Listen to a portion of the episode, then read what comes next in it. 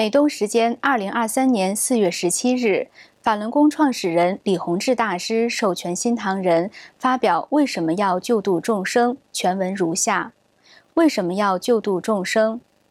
创世主为什么要救度众生？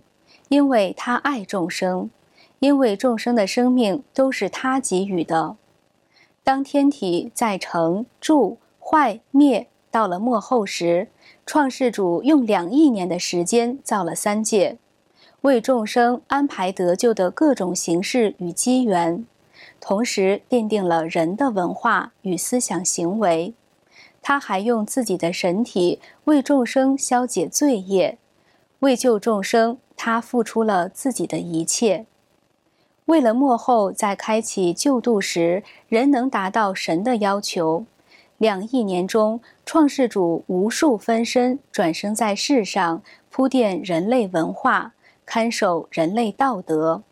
在历史漫长的岁月中，生命轮回辗转千万年的往复等待，渐渐世人的生命真体，包括各民族，多与创世主有了各种亲缘关系，这使创世主更爱他的世人。当末后到来时，为了更好地完成救度，没有这种与创世主关系的生命是不能在此时当人的。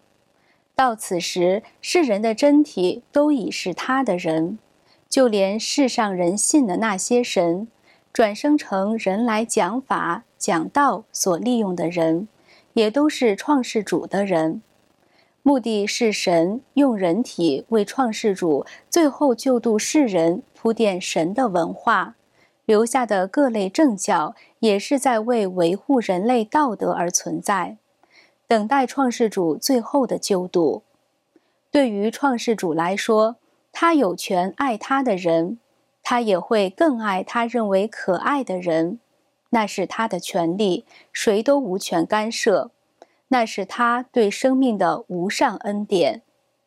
创世主是天体中一切神的主，他是万主之主、万王之王的造就者，一切众生的主宰，包括他造的三界中的一切人、神、物。他的爱是对众生最高的圣恩，世人被他所爱，是人最大的荣幸。诗。李洪志，二零二三年四月十七日。